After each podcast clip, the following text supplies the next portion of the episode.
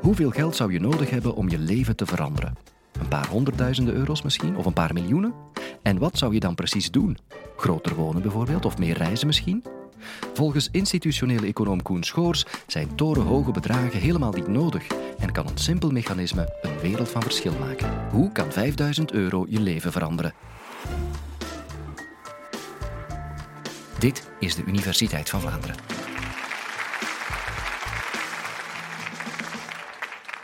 Stel je voor dat God bestaat. Stel je voor dat ik God ben. Nu is iedereen gelijk. Ik ben God, ik heb de wereld gelijk gemaakt. Iedereen heeft hetzelfde inkomen, iedereen heeft hetzelfde huis, iedereen heeft hetzelfde vermogen. En gelijkheid is gecreëerd. Helaas, twee seconden later is het alweer gedaan. De een heeft meer geluk dan de ander, de een heeft harder gewerkt dan de ander en er is weer verschil. Er is ongelijkheid. En ik moet als God blijven knipperen om die gelijkheid te bewaren. Met andere woorden, volstrekte gelijkheid als toestand is niet haalbaar. En is ook niet wenselijk. Dan heb je geen dynamiek meer, geen beweging, geen ondernemerschap, geen creativiteit. Volstrekte gelijkheid als toestand krijg je pas als er stagnatie is. Als je kijkt naar Noord-Korea, dan zie je gelijkheid. Echte gelijkheid is de dood. Maar volstrekte ongelijkheid is natuurlijk ook absoluut niet aangewezen. Als je volstrekt ongelijkheid hebt, hoe kan je dan een harmonieuze samenleving bouwen? Hoe kan je dan een normale groei krijgen? Dat kan helemaal niet. Misschien hebben we nodig aan een, nood aan een ander idee. Misschien hebben we nood aan een idee van dynamiek van sociale mobiliteit. We willen een systeem waarbij als je zelf werkt, als je gemotiveerd bent, als je je best doet, dat je vooruit kan in het leven. We willen een systeem waarbij jouw inkomen niet afhangt van het inkomen of het vermogen van je ouders dat je zelf bepaalt wat er gebeurt.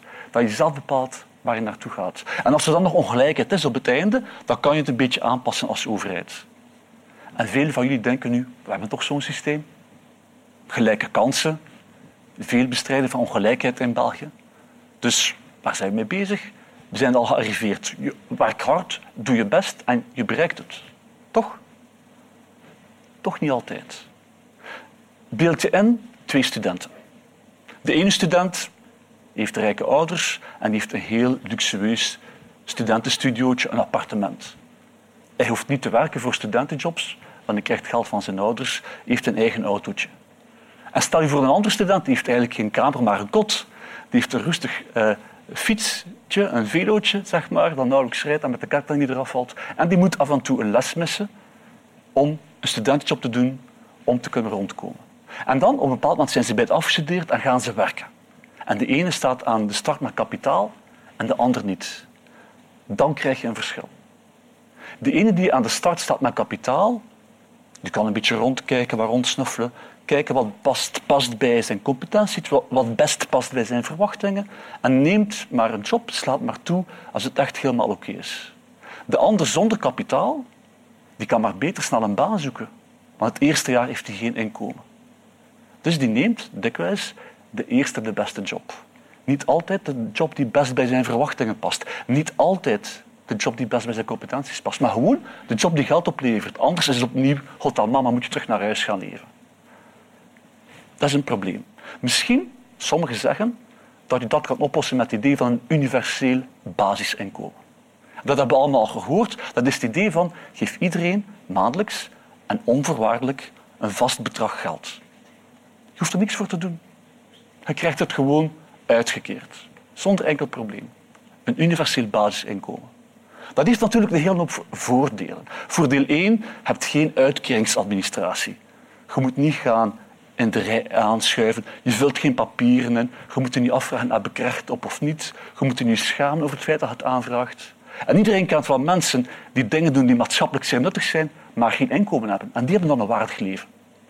Maar er zijn ook nadelen. Een van de nadelen is natuurlijk, oké, een universeel basisinkomen vervangt alle andere uitkeringen. Werkloosheid, ziekteuitkeringen, een basisinkomen of een minimuminkomen of bij het OCMW. Dat vervalt allemaal en je krijgt het universeel basisinkomen. Dus, met andere woorden, sommige mensen gaan er waarschijnlijk op achteruit. En dat zal moeilijk verteerbaar zijn. Een andere vraag die veel wordt gesteld, terecht of niet, gaan mensen dan nog wel werken? Als iedereen zomaar geld krijgt, elke maand. Sommigen wel, maar anderen niet. En de grootste dooddoener is natuurlijk wie zal dat betalen. En het is meestal iemand anders. Een van de grootste motivaties waarom dat het universeel basisinkomen zo populair is geweest een tijdje, is het idee dat we gaan overspoeld worden door een disruptieve golf van digitalisering, automatisering, robotisering. Doe geen moeite om te solliciteren. Hij maakt toch geen kans tegen de intelligente robots. En dan komt daar het basisinkomen. Tadam! Bravo, zij redden ons. Maar helaas, die apocalyptische visie op de toekomst is niet juist. Als we iets kunnen zien vandaag, dan is het niet dat mensen uh, overbodig gaan worden. Integendeel, we zien een oorlog om talent. Dus het zal misschien niet werken. Daarom dachten wij aan iets anders. Misschien hebben we iets anders nodig. Misschien hebben we iets nodig als een universeel basiskapitaal. En daar is het idee anders. Je geeft mensen, nadat ze afgestudeerd zijn, bij het begin van een loopbaan, geven ze een vast kapitaal, een bedrag, bijvoorbeeld 5000 euro. En dat is een duwtje in de rug om goed op gang te komen. Een beetje zoals je allemaal hebt leren fietsen. Je ouders lopen mee en op het einde geven ze een duwtje en dan moet je natuurlijk zelf trappen en recht blijven. Maar zonder dat duwtje val je gewoon om. Dus laat mensen hup beginnen. Dat idee van een universeel basiskapitaal is eigenlijk helemaal geen nieuw idee. De eerste die het voorstelde in 1797 was Thomas Paine. En zijn idee was eigenlijk heel eenvoudig. Zijn idee was, oké, er komen nieuwe Amerikanen naar Amerika. En wat doen ze eigenlijk? Zij settelen. En steekt een stok in de grond en zegt dat is mijn eigendom. En je krijgt ook die eigendom. Je krijgt landrechten. Dus je krijgt een kapitaal. Maar wat gebeurt er dan met de volgende generatie? Of de oude indianen die daar waren, of nieuwkomers? Zij hebben dan geen enkel kapitaal. En de oude generatie wel. Dus Thomas Paine had bedacht, oké, we gaan dat oplossen. We gaan een belasting doen op grond, want in die tijd was grond eigenlijk de enige echte vorm van kapitaal. We gaan een belasting doen op grond, kapitaal, en met die belasting betalen we elke nieuwe volwassene, of dat hij nu in Amerika is geboren of een nieuwkomer is, die geven we een basiskapitaal. En zo gaan we die ongelijkheid tussen generaties die gaan we verwijderen. Bovendien verwijdert het ook ongelijkheid binnen generaties. Binnen een generatie, of je ouders het nu goed hebben gedaan en veel eigendom hebben opgebouwd en veel vermogen hebben opgebouwd, of slecht hebben gedaan, dat verschil veeg je een beetje uit. Want bij het begin van je volwassen leven krijgt iedereen dat kapitaal en het begint er met een min of meer gelijke start. Dus dat is een heel leuk idee. Het idee wordt nog steeds gebruikt. In het Verenigd Koninkrijk zijn er verschillende mensen die hebben echte voorstellen geformuleerd. En het is ook effectief gebeurd. In 2003 hebben ze iets opgericht, het Child Trust Fund. En het idee was daar om elk kind bij de geboorte een beetje geld te geven in een investeringsfonds, vanwege de overheid. Ouders mogen bijstorten en als je dan volwassen was, zou je het krijgen eh, met een zeer fiscaal gunstig regime.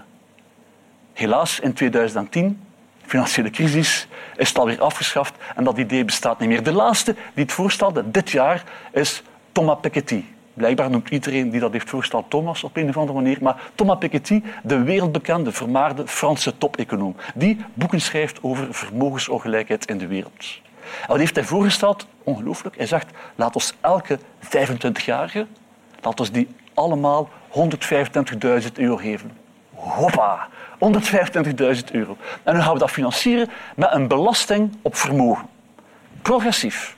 0,1% tot 100.000 euro en dan steeds meer. Vanaf 2 miljard euro zit je aan dit 90% Dus wij dachten, dat moeten we toch een keer gaan onderzoeken, dat kan toch niet waar zijn. Wat hebben we gedaan? We hebben meer dan 17.000 mensen die begonnen te werken gevolgd.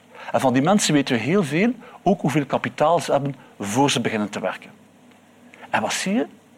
Die mensen die kapitaal hebben voor ze beginnen te werken, die zien hun inkomen sneller stijgen.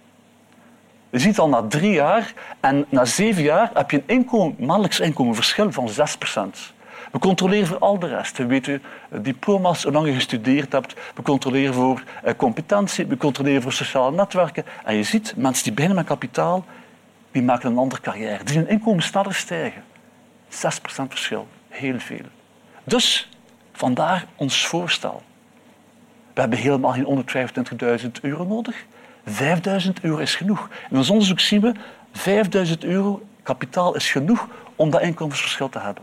Dus als je iedereen nu aan de start onvoorwaardelijk gewoon omdat je begint te werken, omdat je gestudeerd hebt, die 5000 euro geven, dan krijg je een ander verhaal. Dan krijg je een andere inkomensevolutie. En wat is dan het mechanisme? Het mechanisme is heel eenvoudig het verhaal van die twee studenten in het begin. Die mensen die kapitaal hebben, die zoeken werk zonder angst. Het is in orde, je hebt geld, je kunt een tijdje rondkomen, dus je zoekt op je gemak naar de job die best bij je past. Iemand die echt helemaal niks heeft, die zoekt een job met angst. En dat is een ander zoekproces.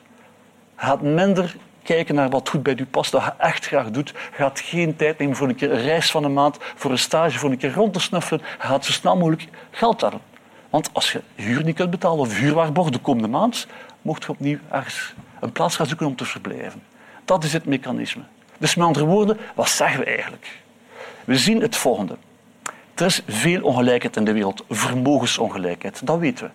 In België ook, de ene mens heeft veel meer kapitaal dan de andere. Maar het probleem is, die vermogensongelijkheid wordt vertaald in de volgende generatie. Wordt gereflecteerd in de volgende generatie in inkomensongelijkheid. Want die kinderen van mensen met meer geld maken een mooier inkomensevolutie en worden zelf ook weer rijker. En hij zit in een vicieuze cirkel, waar ongelijkheid zichzelf reproduceert. En dat is slecht voor de maatschappij. Menselijk talent wordt niet optimaal gebruikt. Mensen met competentie hebben niet de beste job die bij hen passen. En uiteindelijk verliest de maatschappij.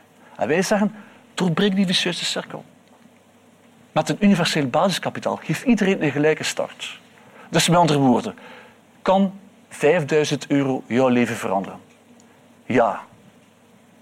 Het begin van uw carrière is een van de belangrijkste momenten van uw leven. Goed begonnen is half gewonnen. En wij zeggen eigenlijk van, oké, het hoeft geen 125.000 euro te zijn. 5.000 euro werkt al. Je gaat op een heel andere manier, met minder angst, met meer zekerheid, zoeken naar werk. Je kan rustig vijf maanden nemen met dat geld om iets te zoeken. En je gaat uiteindelijk een hans ander levenspad hebben. Met die 5.000 euro maak je een betere beslissing. En het geldt voor altijd, je hele leven lang. Met andere woorden, mijn conclusie zou zijn, universeel basiskapitaal, doen.